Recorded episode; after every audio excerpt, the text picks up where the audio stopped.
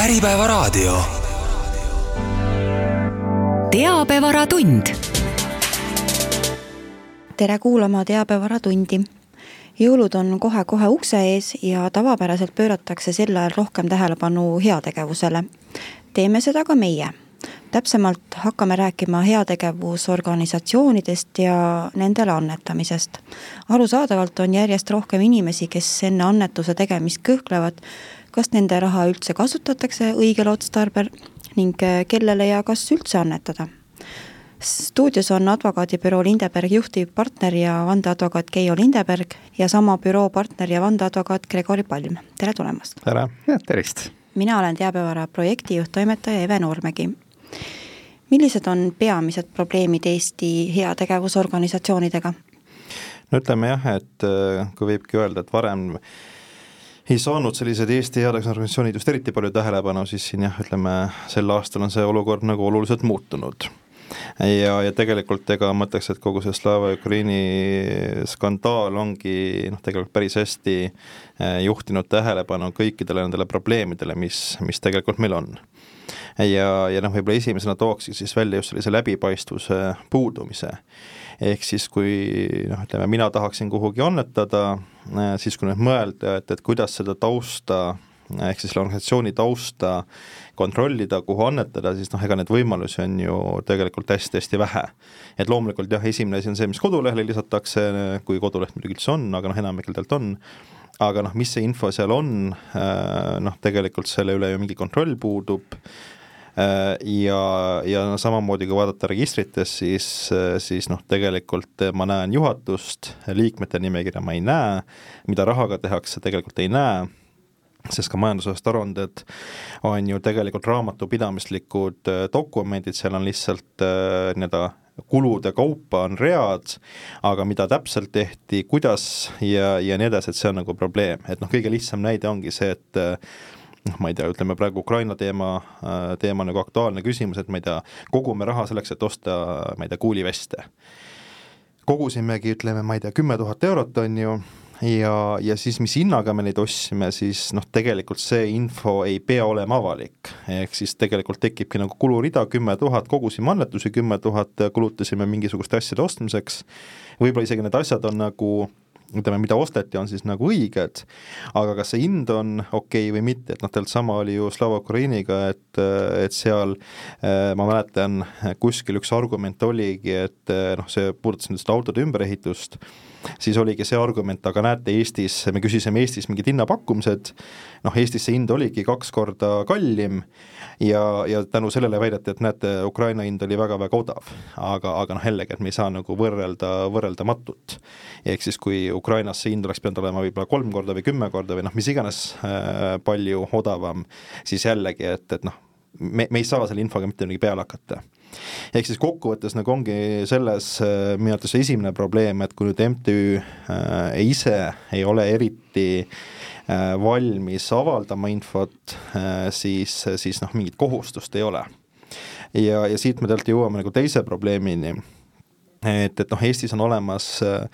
need mittetulundusühingud, mis on siis kantud tulumaksusoodustusega ühingute nimekirja mis siis tähendab seda, et sinna annetades noh, ütleme riik mingil määral äh, on seda organisatsiooni nagu tunnustanud. et seal tuleb avaldus esitada ja siis noh, midagi seal menetletakse, tehakse otsus, aga, aga noh, tegelikult võibki nagu jääda mulje, et tegemist on sellise äärmiselt usaldusväärse organisatsiooniga, noh, see, seda, see nagu päriselt nii jällegi ei ole. sest eh, seal tekib küll täiendav aruandluskohustus, aga kui ma, ma ei mäleta, kas oli vaja kord aastas või, või paar korda aastas esitada üks täiendav eh, deklaratsioon, aga jällegi, see on kuluread ehk siis noh, sisu mitte keegi ei vaata ja, ja tegelikult äh, noh, minu arvates, kui, kui riik on loonud mingisuguse sellise äh, noh, kuidas siis nüüd nimetada, mingisuguse tunnustamisvormi, vahet pole, kuidas me seda täpselt sõnastame, et noh, kui riik on mingi täiendava kontrolli teinud, siis tegelikult äh, võib-olla see tänane täiendav aruandlus, mis sellega kaasneb, noh, ei ole piisav et, et näiteks noh, väga lihtne oleks lisada sinna nõue, et ühing, mis on siis mingisuguse tunnustuse saanud, peaks siis väga põhjalikult lahti kirjutama, et mida selle rahaga tehti, võib-olla avalikustada ka kõik need arved ja hinnapakkumised ja kõik muud asjad või näiteks pannagi sinna juurde kohustus, et ma peangi küsima kolm hinnapakkumist ja valima siis kõige soodsama, vähemalt kõige parema, kuidas iganes ma siis nagu põhjendan et noh, tegelikult äh, see ongi nagu see pool, et kui MTÜ-d on aktiivsed, nad tahavad seda teha, siis nad saavad seda täna teha, keegi ei keela, aga noh, mitte mingisugust sundi ja motivatsiooni tegelikult ei ole. Ja, ja noh, sellist, noh, ma nüüd äh, ei saa öelda, et ma olen kõikide Eesti heade organisatsioonide kodulehti näinud, ja vaadanud, aga noh, nii palju, kui ma olen vaadanud, ma ei ole küll ühtegi näinud, kus oleks see tõesti nagu väga-väga selgelt ja üheselt arusaadavalt lahti kirjutatud. ja, ja võib-olla kolmas asi, mis ma lõpetuseks tahaks äh, selle esimese äh, nii-öelda probleemi, probleemide kaardistamise käigus välja tuua, äh, puudutabki siis Eesti heade organisatsioonide noh, ütleme edulugu, ehk siis tänaseks me enam ei ole äh, riik, kus Eesti sellised teadusorganisatsioonid suudavad koguda veel paar tuhat eurot äh, aastas annetusi, vaid meil on seal ikkagi, need numbrid on seal kuuekohalised ja, ja, ja suuremadki. Äh, mis tegelikult tõstatab järgmise küsimuse, et kui raha on palju, siis võib tekkida huvi sellise organisatsiooni ülevõtmiseks. et noh, ma võin ka isikliku kogemuse rääkida, ma kunagi aastaid tagasi olin ühe, ühe väikse heategevusliku MTÜ-ga Eh, liige ühes suuremas MTÜ-s, mis siis koondaski seda tüüpi organisatsioone ja noh, seal oligi, ütleme, probleemid juhatusega mis täpsemalt, see pole nagu oluline ja võib-olla need detailid ka mitte, aga mis siis nagu toimus, on see, et korraldati üldkoosolek ja eesmärk oligi siis tegeleda nende küsimustega, et miks siis juhatus teeb nii, nagu ta teeb ja, ja nii edasi, noh, seal ei olnud küll küsimus jah, raha nagu kuritarvitamises, aga lihtsalt olid probleemid. ja mis siis äh, üldkoosoleku alguses selgus, äh, juhatus oli natukene varem võtnud vastu piisaval arvul uusi liikmeid, äh, liikmed, uued liikmed siis, mis olid muide veel ka ettevõtted, et kui ena, enne seda olid enamasti MTÜ-d liikmed, siis, siis tekkis terve hunnik ettevõtteid, äh, nende ettevõtete esindajad ise kohale ei tulnud, seaduslikud esindajad, vaid olid teinud volitused juhatusele, ehk siis kui kogu selle koosoleku mõte oligi arutada äh, juhatuse äh, probleeme, siis reaalne olukord oli selline, kus juhatusel oli häälteenamus juhatuse liikmetel, tänu sellele, neil oli volikirjad, ja noh, sisuliselt noh, niimoodi see koosolek ka lõppes, et, et noh, tulemuseks oli see, et lihtsalt need MTÜ-d, vähemalt suur osa neist astus välja aga jällegi noh, keegi ei hakka sellega kohtusse minema, sest äh, noh, jah, loomulikult võiks vaidlustada heausu põhimõtteid ja kõik mis muud asjad äh, sellega vastuolu, aga me räägime väikestest MTÜ-dest ja, ja võtta nüüd ette kohtuvaidlus, mis kestab seal võib-olla mitu aastat, noh, keegi ei viitsi sellega tegeleda, hääletatakse nii-öelda jalgadega, lihtsalt astutakse välja, aga, aga noh, ütleme avalikkusele jääb see kunagine maine ikkagi alles, ta on loodud nagu selliste päris tunnustatud MTÜ-de poolt ja, ja noh, ütleme, see on nagu selline väga hea näide, mis võib juhtuda, kui mõni organisatsioon hakkabki äh, väga edukaks muutuma, et, et võib juhtuda, et juhatus või või vähemalt osa juhatuse liikmetest üritab selle organisatsiooni üle võtta ja mis siis edasi saab, noh, see on juba omaette küsimus et noh, võib-olla see ongi selline lühi, lühiülevaade, mis, mis minu hinnangul nagu on probleemid aga millal, mis juhul saab öelda, et annetuste kogumise käigus on pandud toime kuritegu? Jaa, ma, see on minu, minu valdkond juba, aga enne kui ma ka sellele vastamist ütlen ära, et noh, tänane noh, mis puudutab just heategevust, ega meie tänane saade, noh, mina ja Keijo, me hakkame rääkima meeletult pessimistlikku juttu, kus kõik on halvasti ja ühtegi pidi see raha eh, noh, kõik, kõik ohud, mis saavad olla, kuidas inimene saab enda raha raisata, sest noh, tehakse midagi ebaeetilist aga noh, siin tasub ikkagi märkida just enne nagu jõuluaega ka, et noh, meie lauale jõuavadki need kõige hullemad lood, aga noh, reaalsus on ikkagi see, et noh, on väga suur tõenäosus, et kui sa ikkagi leiad noh, mingi ägeda organisatsiooni või eesmärgi, noh, teed mingi minimaalse due diligence'i, et natukenegi kontrollida, et noh, kes see nüüd on, et äh, ei ole mingi kuulus ärikaksik, kes seda heategevust sult tahab või midagi sellelaadset, et, et noh, siis on su suur tõenäosus, et see jõuab ka sinna kohta, mis on see eesmärk. Olles seda öelnud, ma lähen nüüd, hakkan rääkima edaspidi ainult pessimistlikke väljavaateid, et noh,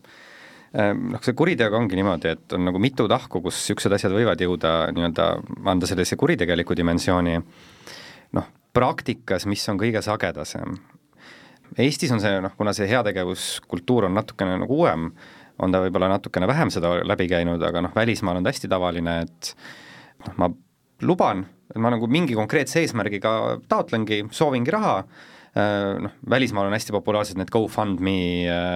pettused, väidan, et mul on mingi ravimatu haigus või mingi suur probleem, ma tahan selle jaoks seda saada ja tegelikult selgub, et mul pole kunagi mingit haigust olnudki, ma lihtsalt võtan selle raha ja teen vehkat põhimõtteliselt. et ka need platvormid, mis seda teenust pakuvad, mm, noh, need on ka natuke targemaks saanud, aga noh, ikkagi mitte piisavalt, et, et noh, praktikas kõige suurem oht nagu nii-öelda annetajale ongi see koht, et see, milleks seda raha lubatakse, et kasutatakse, et selleks seda teps mitte ei kasutata no siin on mitu dimensiooni, millest väga paljud ei ole tegelikult üldse mitte kriminaalmenetluslikud või karistusõiguslikult äh, huvitavad. Mm, ja kui ma, selle all ma mõtlen seda, et kui ikkagi noh, inimene ütleb, et ma arvan, et mul läheb operatsiooniks kaheksa tuhat eurot ja tegelikult selgub, et läks ainult kuus tuhat ja noh, seda ei olnudki võimalik võib-olla ette näha alguses, noh, polegi midagi, see ei ole kuritegelik. Aga kui ma väidan, et ma lähen operatsioonile ja mul pole kunagi olnudki plaanis sinna minna, noh siis võib juba rääkida, et siin on juba inimesi petetud, muidu poleks seda raha saadud, kui ma poleks seda kurba lugu rääkinud, ja noh, siis võib juba see nii-öelda kõne alla tulla. et noh, sisuliselt tavainimene annetajana saab ainuke, ainukese viisina ennast kaitsta ongi sellega, et noh, teha hoolsuskontroll enne ja noh, mõnikord ei piisa ka sellest kui sul on ikkagi väike Maarjast keegi kati, kes ütleb, et ta tahab operatsioonile minna, no sa ei lähe talle ukse taha, ei hakka kontrollima, et näitama epikriisid ette, et ma nüüd tahan vaadata, kas see on päris asi, et noh, lihtsalt mõnikord, noh, mõnikord ongi see vältimatu, ongi raske midagi teha. ja noh, tava, kui olla nii-öelda heategevusorganisatsioon või siis inimene, kes lihtsalt tahab mm, nii-öelda rahastada mingit eesmärki heategevuse vahel, noh, siis karistusõiguslikult on hästi oluline, et olla väga spetsiifiline, väga konkreetne sellega, et milleks see raha päriselt läheb. et kui ongi noh, mille, ühesõnaga, kui sa oled selge, milleks sa seda kasutad, siis on okei okay,, et noh, välismaalt on ka komme olemas, kus inimene suutis kakskümmend tuhat umbes, ma numbriga võin mööda panna, kokku koguda selleks, et äh, teha maailma parim kartulisalat. ta tegi kartulisalati, ta sõi selle video ees ära, äh, ülejäänud rahaga ta, ta vist juba alguses kommunikeeris välja, et kui üle läheb, siis ma selle rahaga ei teegi mitte midagi, ostan endale verro kartulisalatit või midagi sellelaadset ja polnudki probleemi. kui inimesed tahtsid niimoodi annetada, jumala eest, nii et ja noh, neid näiteid on selles mõttes veel, kus inimesed teadlikult annetavad mingi lolluse nimel ja polegi probleeme kuidas üldse saab enne annetuse tegemist veenduda ühingu usaldusväärsuses? no see ongi see teema, mis ma kohe alguses välja tõin, et, et seda ongi väga raske teha. et ma mäletan seda, et mul siin noh, suhteliselt hiljuti ka üks, üks klient oli, oli ka ühe MTÜ enda arust liige äh, ja ei olnud ka, ka rahul sellega, mida juhatus teeb ja oli täitsa valmis sellega teemaga nagu tõsisemalt tegelema ja siis, kui ma hakkasin selle MTÜ tausta põhjalikumalt uurima, noh, ütleme, põhiprobleem ongi selles, et liikmete nimekiri ei ole mitte kuskil avalik, on asutajaliikmed, on juhatus ja see on ka kõik. ehk siis, kui ma asutan ja täna astu-, ütleme täna asutan, homme astuvad need asutajad välja äh, ja võtan vastu nii-öelda uued liikmed, siis noh, tegelikult seda liikmete nimekirja, ühtegi liiget ei ole kuskil avalik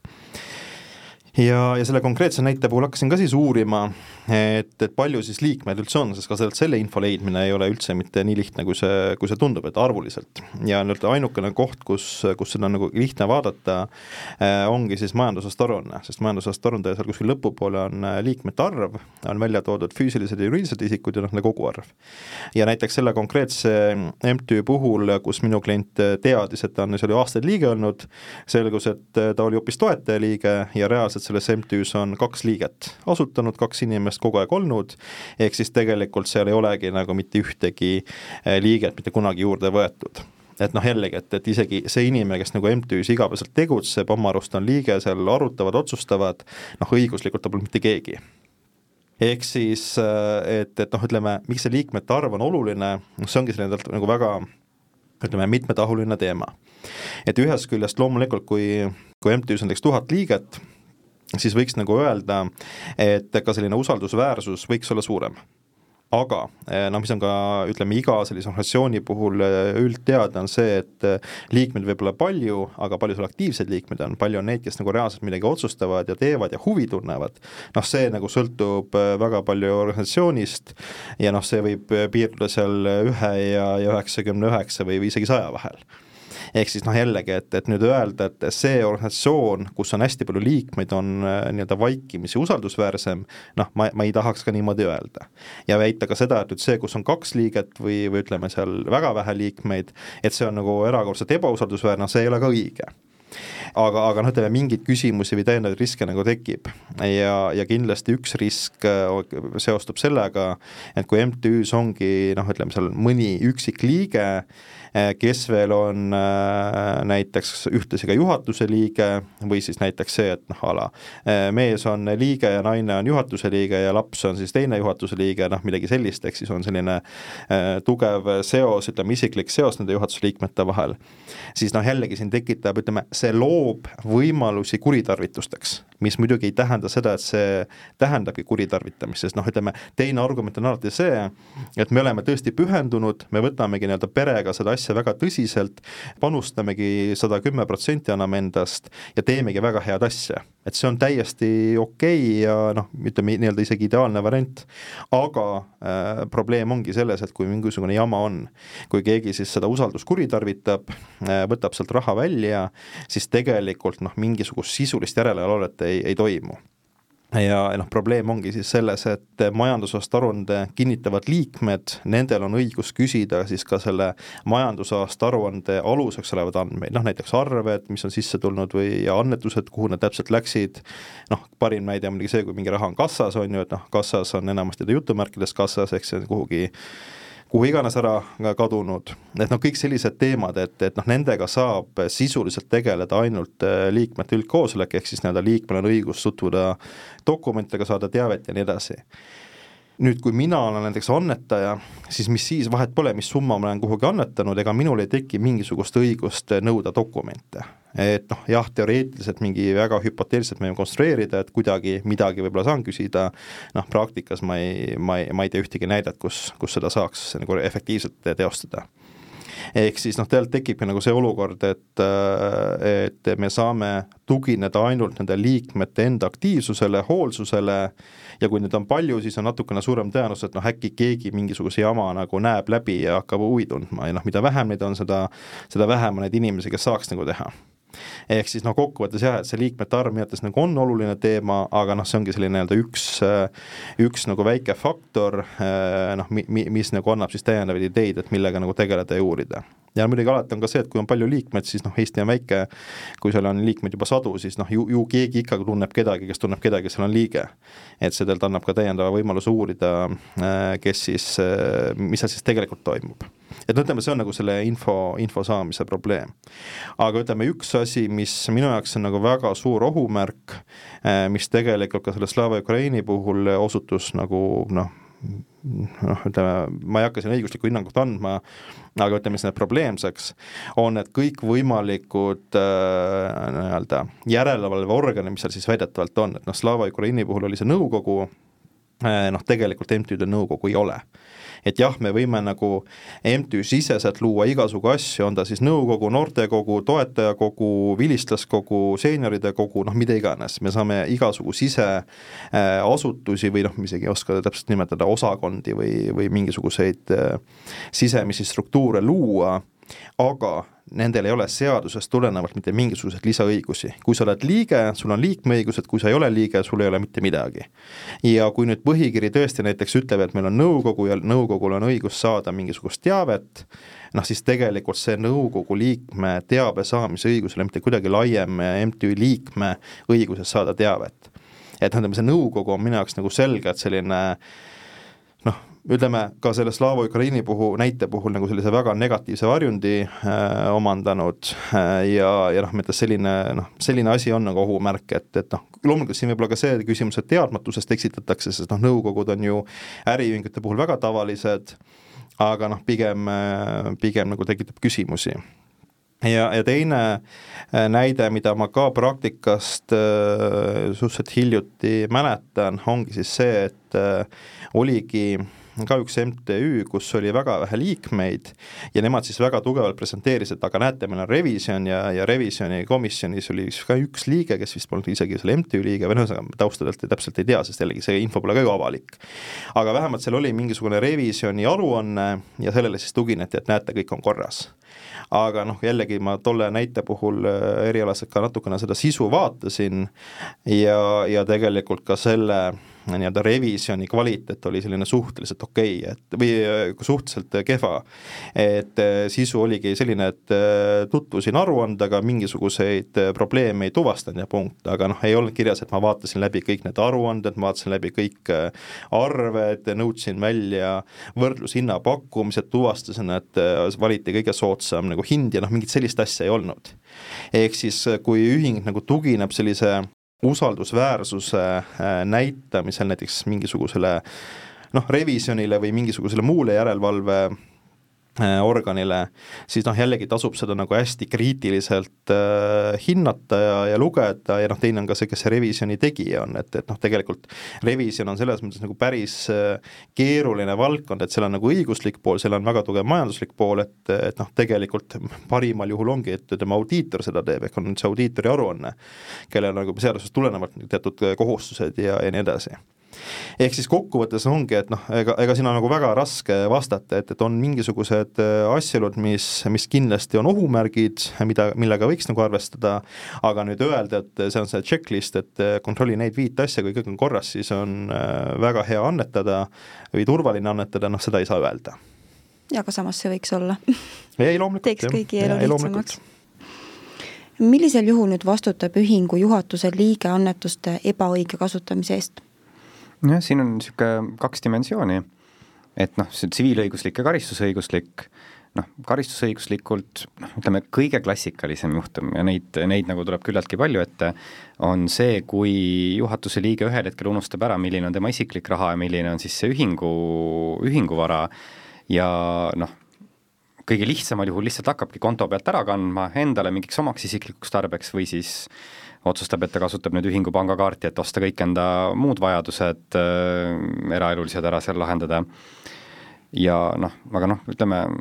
päriselus muidugi noh, on need olukorrad ka keerulisemad selles tähenduses, et et, et ütleme, kõige lihtsam vastus on see, et see käitumine, mis hetkel ta karistusõiguslikult vastutab, on see, kui inimene juba ise saab ka aru, et ta teeb midagi valesti, et et siin pole väga palju neid dimensioone, kus noh, inimene täiesti siiralt kogemata, et noh, võib-olla kõige lähem sellele ongi, kui inimene ei suuda eristada seda, et juriidiline keha ja füüsiline keha on kaks erinevat asja, et noh, eriti tavaline on see muidugi ühingute puhul, kus noh, sina oledki justkui nagu enda ettevõte ja ega seal kedagi rohkemat nagu polegi, et et siis tundub nagu tõesti tobe, et miks ma ei või siis nagu ettevõtte alt ähm, osta, osta ühte või teisi asju aga jah, et noh, ega vastutus tulebki sellel hetkel, kui ongi see, nagu Keijo rääkis, see klassikaline kassajääk, mis on meeletult suur, aga samas kuidagi nagu ei ole teda üldse ühelt poolt ja kui pangakontolt kaovad asjad ära või siis hakkavad toimuma jah, seda tüüpi asjad, et kuidagipidi mm, selle MTÜ kõige usaldusväärsemaks partneriks saab noh, sinu enda abikaasa ettevõte, kes kõike muudkui ostab, teeb ja majandab ja rahad liiguvad sedapidi, et et sisuliselt noh, neid kaasusi on ka kriminaalõiguses meeletult palju, mis ongi noh, sisuline omastamine selles tähenduses, et ma lihtsalt üritan seda raha ühest kohast ära kantida ja noh, seal neid vaheetappe võib olla nagu hästi palju aga noh, ma seda, seda veel emotsionaalselt pole valmis tegema, et ma hakkan nüüd otse-eetris näpunäiteid andma, kuidas seda on nagu targem teha, et et üldiselt inimene saab ise aru, kui on ikkagi karist-, kui karistusõiguslik dimensioon juba tuleb, siis inimene ise ka vähemalt kuskil südames hoopis teab, et et ta ei ole nagu võib-olla kõige õigemini käitunud aga noh, siin tegelikult tekib ka see tsiviilõiguslik probleem ka, et et kui nad ongi sellised nii-öelda kahtlased äh, situatsioonid, kus noh, ongi kas või seesama, et äh, juhatuses on äh, üks abikaasadest ja, ja selle MTÜ kõige suurem lepingupartner on selle nii-öelda teise abikaasa ühing,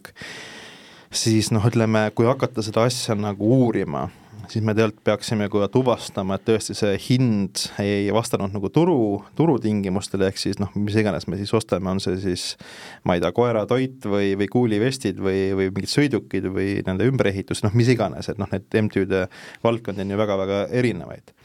Ja, ja siis hakatagi hiljem tõendama, et tegelikult pidi juhatuse liige, noh ütleme, tsiviilis on see nii-öelda selle keskmine juhatusliige, millest tema pidi aru saama ja, ja noh, ütleme, see Slava Ukraini näide on selles mõttes ka nagu hea, et, et seal on ju selline iga päev muutuv olukord,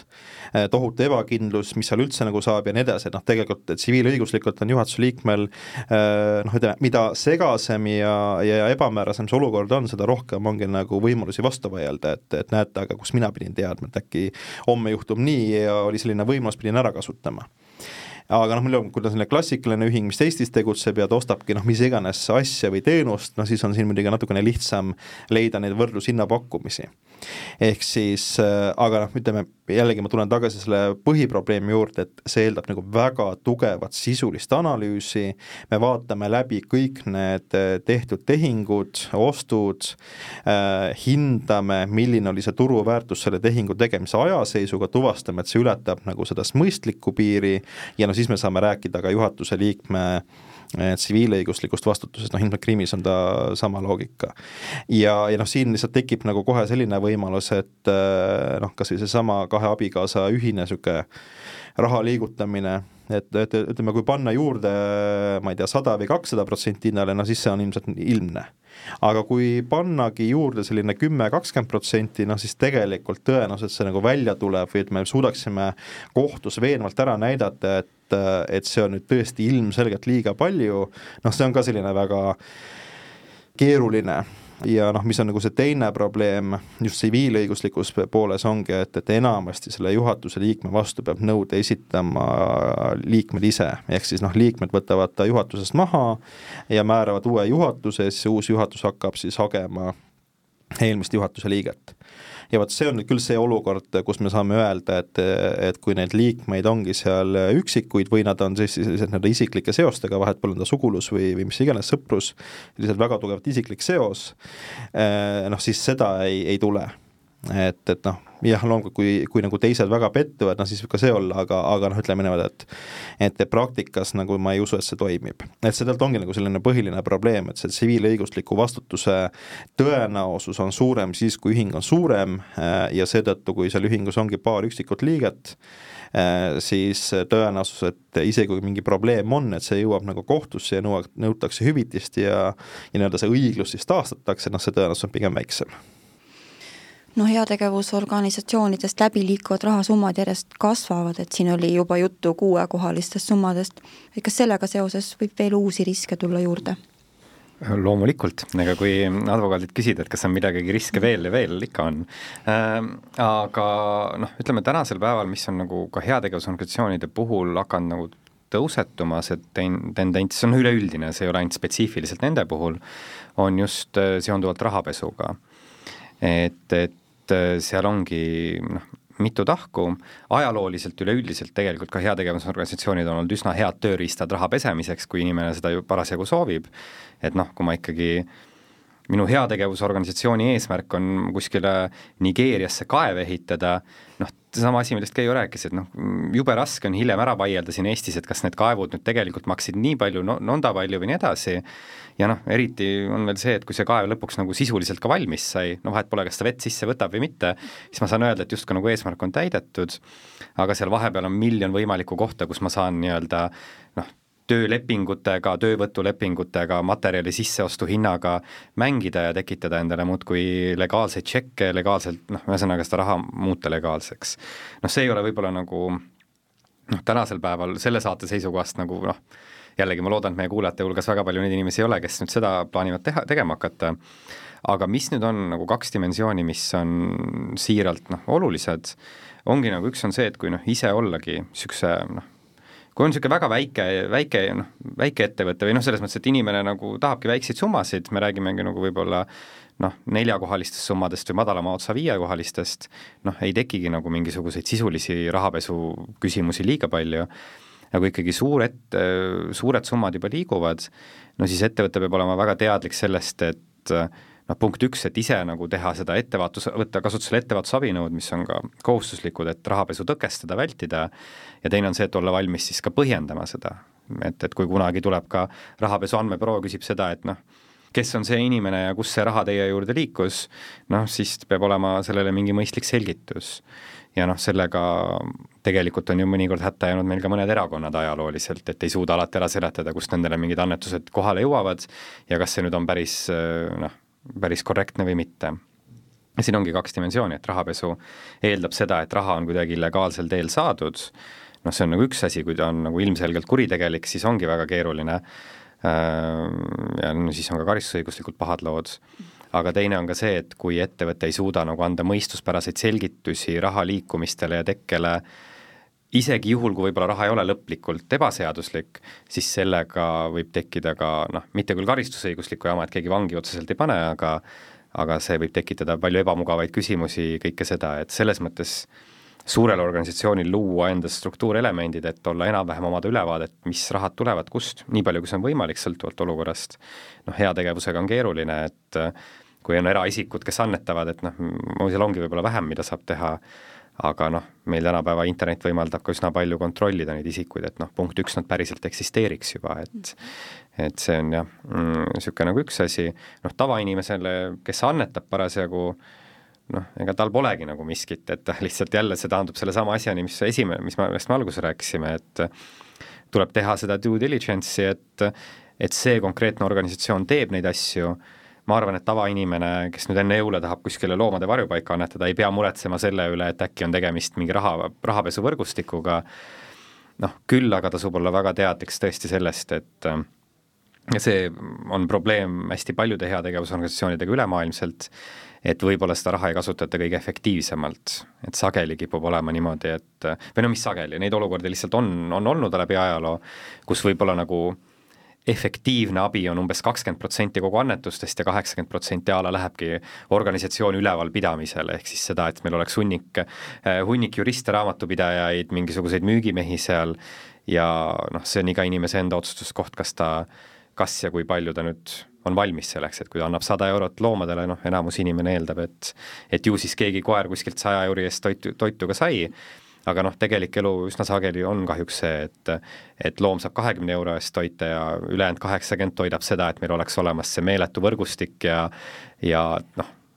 kõik see. Mis mingil määral jällegi on vajalik, sest nagu ma ise ka alguses ütlesin, et due diligence'i tuleb teha ja ettevõtted peavad ka hoolikad olema, et keegi peab ju selle struktuuri üles ehitama, et me näiteks ei satuks rahapesuvõrku, nii et et ta on niisugune, aga selleks on juba loodud ka eraldi leheküljed, mis üldiselt üritavad jälgida seda nii-öelda, ma ei mäleta enam selle nime, aga ma tean, et vist eestlased vahepeal tegid, kas see oli vist mingi efektiivne altruism või mingi niisuguse nimega, mille eesmärk oligi jälgida, et mis see efektiivne abi on, mida saadakse, et et jällegi, inimene põgusa äh, nagu enam-vähem mõistlike jõupingutustega tehtava töö juures äh, noh, üldiselt saab maandada neid riske päris edukalt. noh, see kõik, mida Keijo on rääkinud senimaani, et, et vaadake nüüd revisjoni aruandeid ja ja noh, meil võiks üldse audiitor olemas olla, on parim võimalik maailm, aga noh, parim võimalik maailm ja see, mis on sisuliselt efektiivne, noh, need alati ei ole üks ja seesama. et, et noh, tavainimene, kui ta lihtsalt natuke guugeldab, natuke otsib, saab juba üsna tugevalt neid riske maandada millised on teie kui advokaatide soovitused MTÜ-dele, et kuidas nad saaksid näidata enda usaldusväärsust ja annetuste kasutamise õigsust? No ütleme, üks küsimus, mida tegelikult Eestis väga palju ei arutata, kui keegi tahab heategevusega hakata tegelema, siis ongi traditsioon, et me teeme MTÜ ja punkt, et noh, sellega see nagu arutelu ja, ja see pool lõpeb. Et, et tegelikult kui me nüüd ongi selline seltskond, noh, ongi ta siis pere, sõpruskond, mis iganes, kus me tahamegi teha, ütleme, ma ei tea, kolme-nelja-viiekesi mingisugust head asja, siis võib-olla see MTÜ mudel ei ole üldse kõige parem et, et tegelikult on olemas Eestis ka sihtasutuse mudel ja sihtasutus ongi siis selline organisatsioon, noh, parim näide võib-olla kõige, kõige tuntum ongi igasugused üliõpilaste toetused ehk siis need stipendiumid. Ehk siis ühing äh, ongi loodud väga selge eesmärgiga toetada, siis on ta siis üliõpilased või, või loomad või, või ma ei tea, äh, noh, mis iganes muud äh, organisatsioonid. Ja tegutsetaksegi selle nimel, et koguda raha, raha antakse siis välja teatud nagu sihtgrupile ja seal ei ole ka liikmeid, on asutajad, asutaja määrab ka siis selle, kuidas need, no seal on, ütleme, seal on kaks tasandit, on nõukogu ja juhatus, määrab siis selle, kuidas valitakse nõukogu liikmed, määrab ära siis selle, et, et nõukogu liikmed valib siis juhatuse ja nii edasi. et tegelikult üks, üks asi või esimene asi, mida, mida mõelda, ongi see, et kas see MTÜ vorm on üldse kõige parem ja, ja noh, iseenesest MTÜ mõte ikkagi noh, klassikaliselt on see, et kõik, kes tahavad, kes vastavad teatud tingimustele, saavad ka liituda. ja ja kui sellist soovi ei ole, siis noh, ma mõtlengi, et see MTÜ või see SA sihtasutus on nagu oluliselt mõistlikum variant noh, MTÜ puhul äh, tõesti siis väga selgelt äh, kirjutada võib-olla ka lahti äh, see, et kes on liikmed, kes on toetajaliikmed, kes on siis noh, ma ei kujuta ette, seeniorid, kogu liikmed ja noh, ütleme neid nii-öelda erinevaid ahelasi, ahelaid ja, ja struktuure saab nagu väga palju luua. aga tõesti oleks see nagu arusaadav, et, et kes on kes, mis on nende õigused, mis on nende kohustused, kas on a la näiteks õigus küsida üldkoosoleku, liikmete üldkoosolekul küsimusi või äkki isegi teatud küsimusi küsimustes noh, näiteks seenioride kogu määrab ühe juhatuse liikme, noh, niisugune hästi klassikaline klassikaline asi, mida, mida nagu võib nagu mõelda. et, et see pool nagu lahti kirjutada. Ja, ja noh, võib-olla see põhiline asi, mida ma nagu omalt poolt tahaks välja pakkuda, on just see finantsiline avatus. Ehk siis noh, ma isiklikult ei näe nagu põhjust, miks ei peaks olema avalikud näiteks kõik arved et, et kui tehagi selline täiesti avatud raamatupidamine, näete, me ostsime noh, mis iganes, kuulivestid, koeratoit või, või mida iganes, ostsimegi sellise summa eest, meie koostööpartner on ettevõte X, näete, siin on arve ja noh, ma isegi laiendaksin seda, et tegelikult võiks olla sealjuures veel ka hinnapakkumised. ehk siis küsisime vähemalt kolm hinnapakkumist, näete, me valisime kõige soodsama ja kui me ka ei valinud kõige soodsamat, me valisime seetõttu, et noh, näiteks kvaliteediprobleemid on olnud või, või mingisugune muu objektiivne asjaolu. et tegelikult, kui nagu äh, luuagi selline süsteem, minu arvates siin äh, saaks, ütleme jah, esimene vastuargument on kohe see, et äkki mingi ärisaladus ja koostööpartner ei taha seda või mis iganes, aga noh, mulle pigem tunduks nagu loogiline, et ka koostööpartner võiks olla nagu huvitatud, et näete, mina olen selle MTÜ koostööpartner, äkki ma pakun ka natukene soodsamat hinda, et, et no ma mõtlen, sellise mudeli saaks üles ehitada niimoodi, et kõik võidavad ehk siis see koostööpartner saab sellist promo, reklaami äh,, näitamegi, et ta on väga kvaliteetne, pakub väga mõistlikku hinda, noh, see on, ta saab enda turundust ära kasutada, MTÜ heategevusorganisatsioon näitab, et ta on tõesti väga-väga avatud ja, ja kokkuvõttes kõik võidavad. kui nüüd küsida, kas selline organisatsioon on Eestis olemas, ma ütlen, mina ei tea, võib-olla on,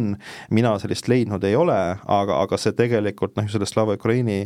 skandaali valguses noh, arvates see on küll koht, millele nagu tõsiselt tähelepanu pöörata ja, ja tegelikult võtta sellest noh, suurest jamast, mida